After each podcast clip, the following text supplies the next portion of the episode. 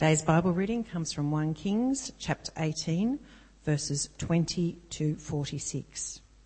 It can be found on page 350 of the Church Bibles. So Ahab sent word throughout all Israel and assembled the prophets on Mount Carmel. Elijah went before the people and said, How long will you waver between two opinions? If the Lord is God, follow him. But if Baal is God, follow him. But the people said nothing. Then Elijah said to them, I am the only one of the Lord's prophets left, but Baal has 450 prophets. Get two bulls for us. Let Baal's prophets choose one for themselves, and let them cut it into pieces and put it on the wood, but not set fire to it. I'll prepare the other bull and put it on the wood, but not set fire to it.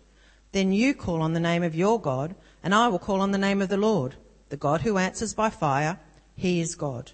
Then all the people said, well, What you say is good. Elijah said to the prophets of Baal, Choose one of the bulls and prepare it first, since there are so many of you. Call on the name of your God, but do not light the fire. So they took the bull given them and prepared it. Then they called on the name of Baal from morning till noon. Baal, answer us, they shouted. But there was no response. No one answered. And they danced around the altar they had made.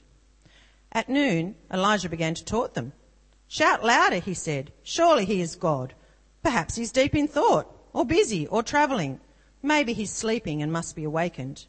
So they shouted louder and slashed themselves with swords and spears, as was their custom, until their blood flowed. Midday passed, and they continued their frantic prophesying until the time for the evening sacrifice. But there was no response. No one answered. No one paid attention. Then Elijah said to all the people, Come here to me. They came to him, and he repaired the altar of the Lord which had been torn down. Elijah took twelve stones, one for each of the tribes descended from Jacob, to whom the word of, word of the Lord had come, saying, Your name shall be Israel. With the stones he built an altar in the name of the Lord, and he dug a trench around it large enough to hold two seahs of seeds. He arranged the wood, cut the bull into pieces, and laid it on the wood. Then he said to them, Fill four large jars with water, and pour it on the offering and on the wood. Do it again, he said, and they did it again. Do it a third time, he ordered, and they did it a third time. The water ran down around the altar and even filled the trench. At the time of sacrifice, the prophet Elijah stepped forward and prayed, Lord, the God of Abraham, Isaac, and Israel, let it be known today that you are God in Israel, and that I am your servant and have done all these things at your command. Answer me, Lord, answer me, so these people will know that you, Lord, are God, and that you are turning their hearts back again. Then the fire of the Lord fell and burned up the sacrifice, the wood, the stones, and the soil, and also licked up the water in the trench. When all the people saw this, they fell prostrate and cried, The Lord, He is God! The Lord, He is God! Then Elijah commanded them, Seize the prophets of Baal. Don't let anyone get away. They seized them, and Elijah had them brought down to the Kishon Valley and slaughtered there. And Elijah said to Ahab, Go and drink, eat and drink, for there is a sound of a heavy rain. So Ahab went off to eat and drink, but Elijah climbed to the top of Carmel, bent down to the ground, and put his face between his knees. Go and look toward the sea, he told his servant, and he went up and looked. There's nothing there, he said. Seven times Elijah said, Go back. The seventh time the servant reported, A cloud as small as a man's hand is rising from the sea. So Elijah said, Go and tell Ahab, hitch up your chariot and go down before the rain stops you. Meanwhile, the sky grew black with clouds. The wind rose. A heavy rain started falling, and Ahab rode off to Jezreel. The power of the Lord came on Elijah, and tucking his cloak into his belt, he ran ahead of Ahab all the way to Jezreel.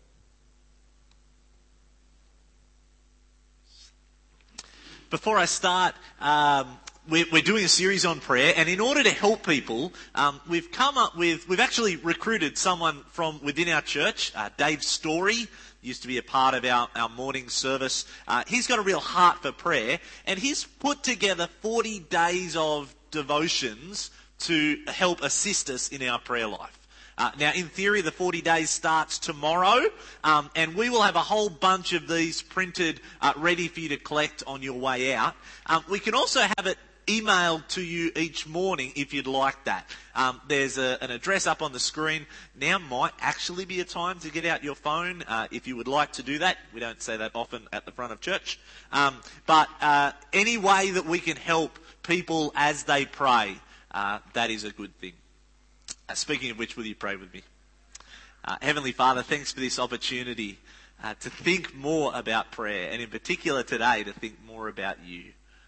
Father, we pray that we might know you and that you might be at work in us. In Jesus' name we pray. Amen. We're going to look over this four week series at the who, why, how, and what of prayer. Who do we pray to?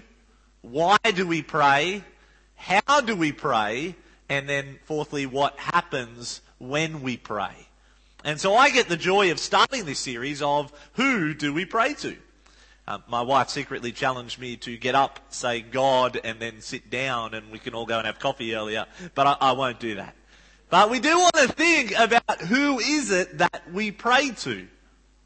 Who is it? Now I would imagine that any four-year-old possibly any two-year-old that is out currently in the St. Stephen's room in our Jungle Pro, Air Explorers program, if you were to ask them the question, who do we pray to, they're going to give the right answer. They're going to say, God. We pray to God. And, and I would imagine that even the most hardened, thoroughgoing atheist would know who do we pray to? We pray to God. Um, not necessarily a God that they believe exists, but if you ask them, who, who do we pray to? We pray to God. We pray to a, a higher power. We pray to somebody who knows more and is able to do more than we can do, because otherwise, if God wasn't more powerful and more able, we wouldn't bother praying to Him. We just go and do it ourselves. So prayer, praying to God, automatically assumes and infers we're praying to someone greater and more able than we are. Of course, we only tend to do that in circumstances where we feel like we can't do it on our own. And we'll see why that's a problem over the course of this series. Who do we pray to? We pray to God. And at that point, we have a whole bunch of decisions to make. Every t- I, I went through all my, my uni Bible college lectures. I went through a whole heap of books. Skim read. I didn't actually read much. Skim read a whole bunch of stuff. And every time a book seeks to answer that question, who is the God we pray to? They use a whole bunch of big words that I get the meanings confused of. Most of them start with omni. So when, when someone gets up and says, who is the God we pray to? He is omnipresent, omnipotent, and omniscient.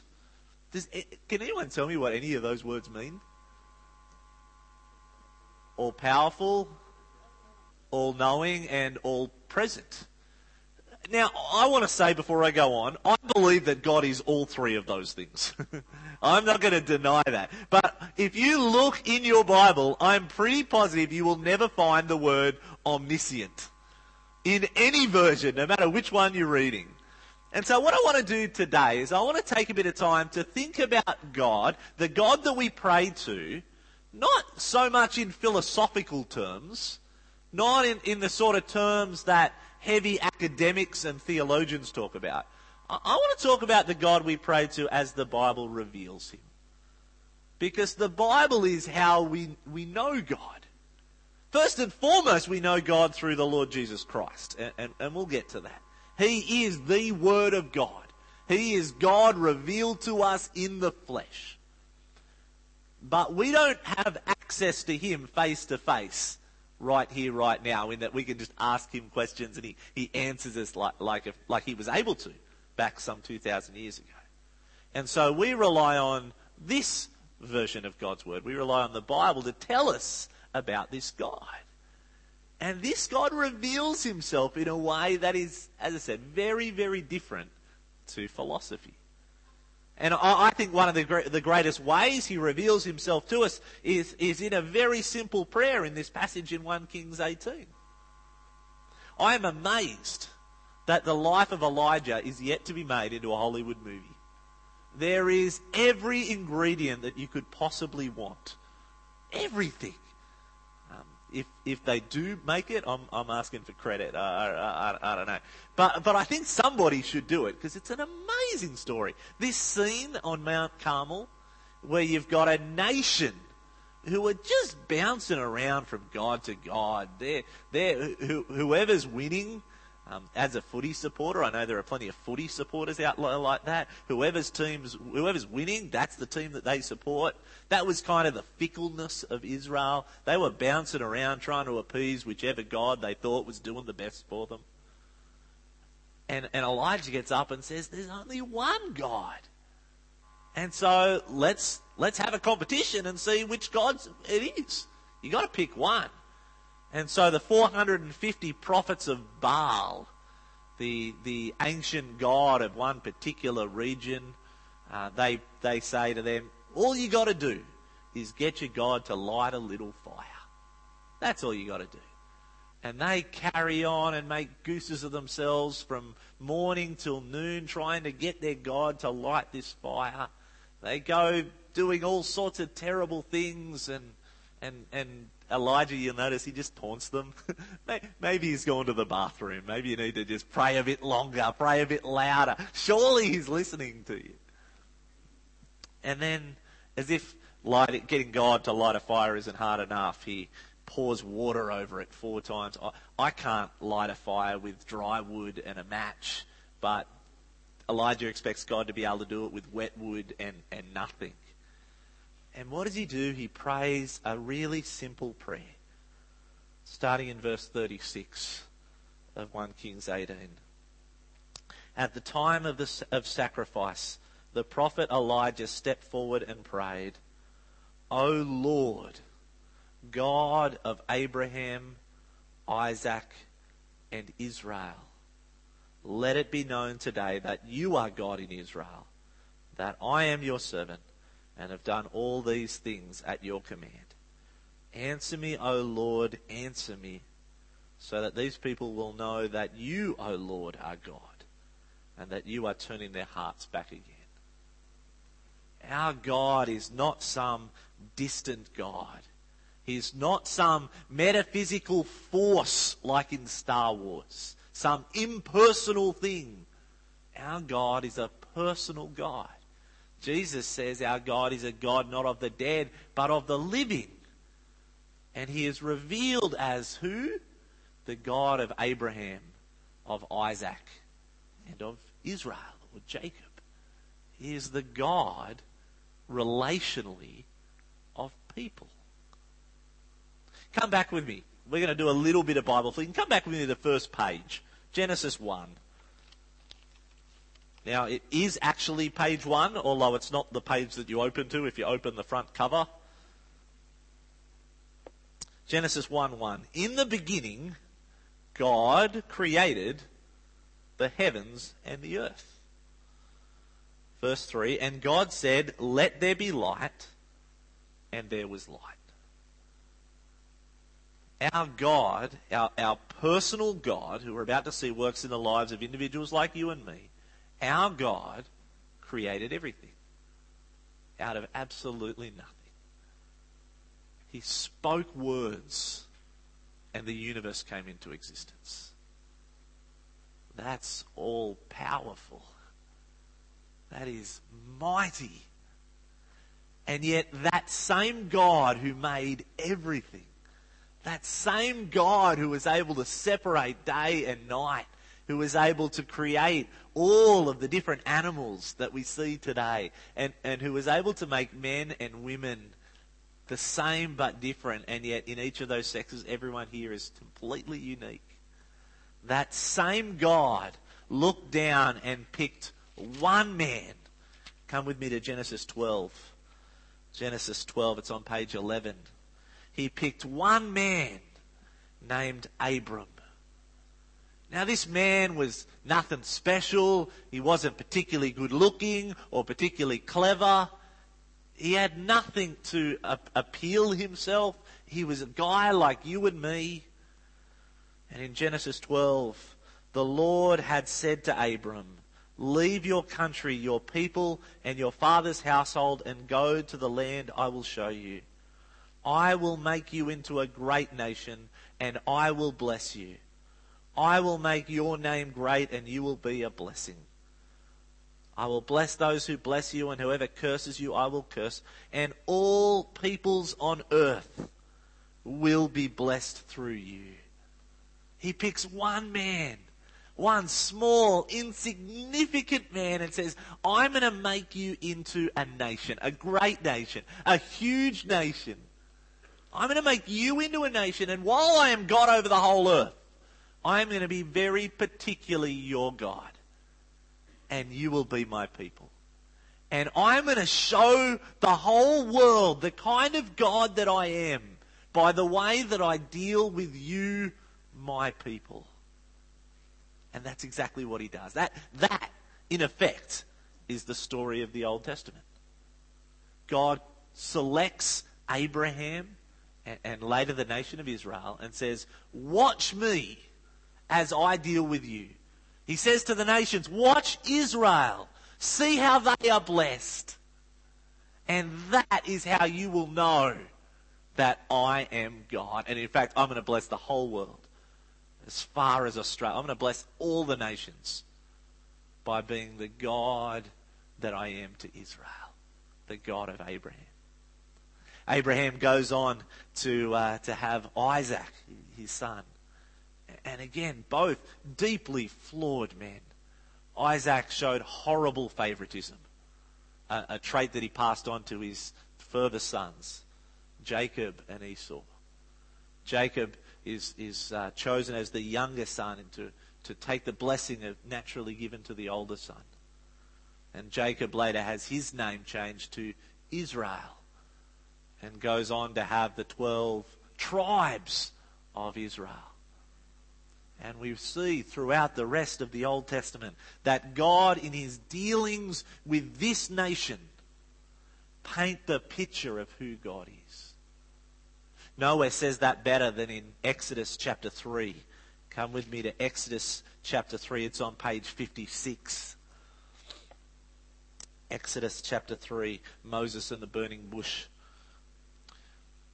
I, I actually think that a non burning, burning bush would have been a better title. I, I, think a speaking bush would have been an even better title.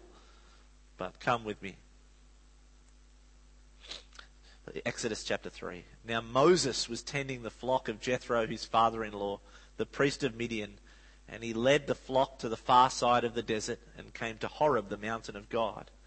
There the angel of the Lord appeared to him in flames of fire from within a bush. Moses saw that though the bush was on fire, it did not burn up.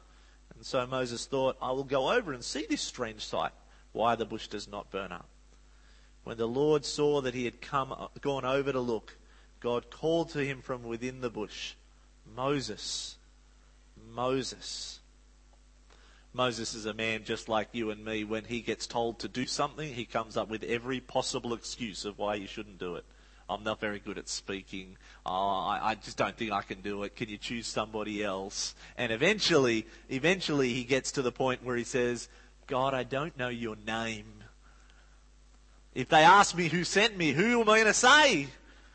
And then we come, uh, we come to verse 14. God said to Moses, I am who I am. This is what you are to say to the Israelites I am has sent me to you. What a weird name. I am. What is God saying in that? He's saying, I'm not going to reveal who I am to you in some great name that's going to have some awesome meaning that he says you're going to know me by what I do. Who am I? What sort of God I am? Don't worry about my name. Look at me and watch what I do. In that, you will know that I am God. I am who I am, or I will be who I will be. And what does that God go on to do? He goes on to rescue his people from the Egyptians in one of the greatest miracle stories in the Bible as the ten plagues totally wipe out uh, a major superpower on the world stage and Israel make their way towards the promised land. Our God is a saving God. Our God is a personal God. And we read through Israel's history time and time and time again that God uses really dodgy, faulty people. People like David, who God can describe as a man after his own heart. Who wouldn't want God to say that about us? He uses someone like David who commits adultery with Bathsheba and then, in order to cover it up, murders her husband. Now, I, I'm uh, looking out. I, I don't know if any of you have got a story that bad. If you have, you've kept it well. If God can use someone like David to do mighty things, because he is David's personal God, his saving God, his rock and his redeemer. If he can use someone like David, he can use someone like you and me. That is the God that we pray to. A personal God. Not some distant watchmaker God, clockmaker God who set it all up to run a certain way and is now just hanging back and waiting for all to finish.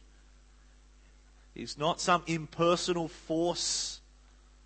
He is a personal God who deals with nations, yes, who controls and, and is sovereign over the whole world, yes, but who works individually with people. He is the God of individuals, of you and of me. Unfortunately, the story of Israel is not one that ends well in the Old Testament. Israel, time and time and time again, abandons God, just like they did before Mount Carmel. They bow down to anything that moves or doesn't move. They, they, they're just so fluttery. Any wind of deceitful teaching, any impressive figure, any great looking ornament, they just, they make so many mistakes. To the point that, like any good father, like any good God, God punishes Israel. He, he takes them out of the land. He judges them. And, and I take it that he does similar things today. When we say no to God, when our communities, when our nations say no to God time and time again, he hands us over to the idols that we've given our lives to. He, he actually removes the shackles and allows us to go and do whatever we want if we're invested in unhelpful things, if we're invested in idols, if we say no time and time again to God and go to things that aren't real, if we look for other for joy in other things, eventually God says, "You can have it. Go for it." But the satisfaction you get from it will not last. He hands Israel over and at the closing of the Old Testament, the only hope they have is that one day God will do something about it. The story which the New Testament answers. What is the solution to Israel's problem? It's the Lord Jesus. And so our God is not only the God of Abraham, Isaac, and, and Israel, He is also the Father of our Lord Jesus Christ is a really, really important addition. Because just like us, Israel just couldn't do it in their own steam. Israel tried and tried and tried and just kept stuffing up. Just like we do when we try and follow God in our own strength, in our own steam. God knew that this would be the case. And he knew exactly how he was going to deal with it he sent his son, whom he'd been in intimate relationship with since the very beginning of time, since before the beginning of time. He sent that son down to this world to save people like you and me, to live the perfect life that we can't live, and to die a horrific death to pay the penalty for the for what we've done in giving our lives over to idols for what we've done in hurting other people, for what we've done in not even reaching our own standards, let alone God's standards. Jesus came to take the weight of guilt and shame so that we don't have to carry it on our own shoulders. And, and what Jesus promises is that when anyone puts their trust in Him, when anyone says, Yes, I don't want the guilt and shame, I know I have it. I know that I'm sick. It's not the healthy who need a doctor, but the sick. Anyone who knows that, like Israel, we just can't do it, and who hands their life over to Jesus, for Him to be Lord, for Him to be Saviour, for Him to be their personal God, not some distant good luck charm that we put on our shelf and bring it down anytime we need it, for Him to be our personal God. When we do that, we get brought in to the very relationship that Jesus had shared with his Father from the beginning of eternity. We can call the God of the universe our Father, not just the Father of our Lord Jesus Christ. That is amazing grace. And that is the God that we pray to. The God that we pray to is one who says, Come to me, all who are weary and heavy laden, and I will give you rest. Come to me, and all the things that you're looking to find joy in, I will actually give you joy in them. But not because you're looking for the joy there, but because the joy will come from me. And you'll be able to enjoy all these things that you've been looking for. But it only happens when Jesus is our God our personal, real, relational God. Is that true for you? Is the God that you pray to someone who you're in an intimate relationship with because of all that He's done for you and all that He will continue to do for you? Because His Son came and died for you this makes an enormous difference. It means that when things are going well, we have a God who celebrates with us. When things are tough, we've got a God who knows what it's like to experience tough things. It's going to have its struggles. Elijah, in preaching about an exclusive God, had a really tough time of it. And so will we, and, and in particular, so will our children.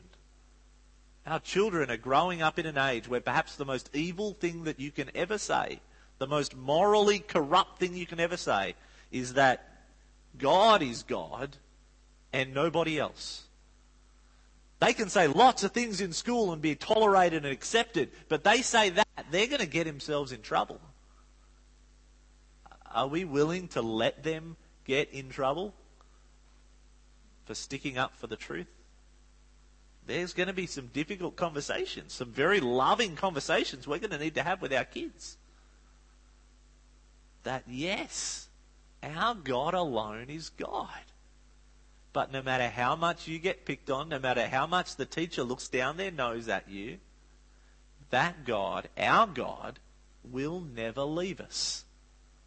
And whatever you do, all the hurt that you feel, bring it back to Him. And it's not just for our kids, that message, is it? That's a message we need to remember day in and day out. Who is the God that we pray to? He is the God of Abraham, Isaac, and Israel. He is the Father of the Lord Jesus Christ, and He is your God and your Father when we place our trust in.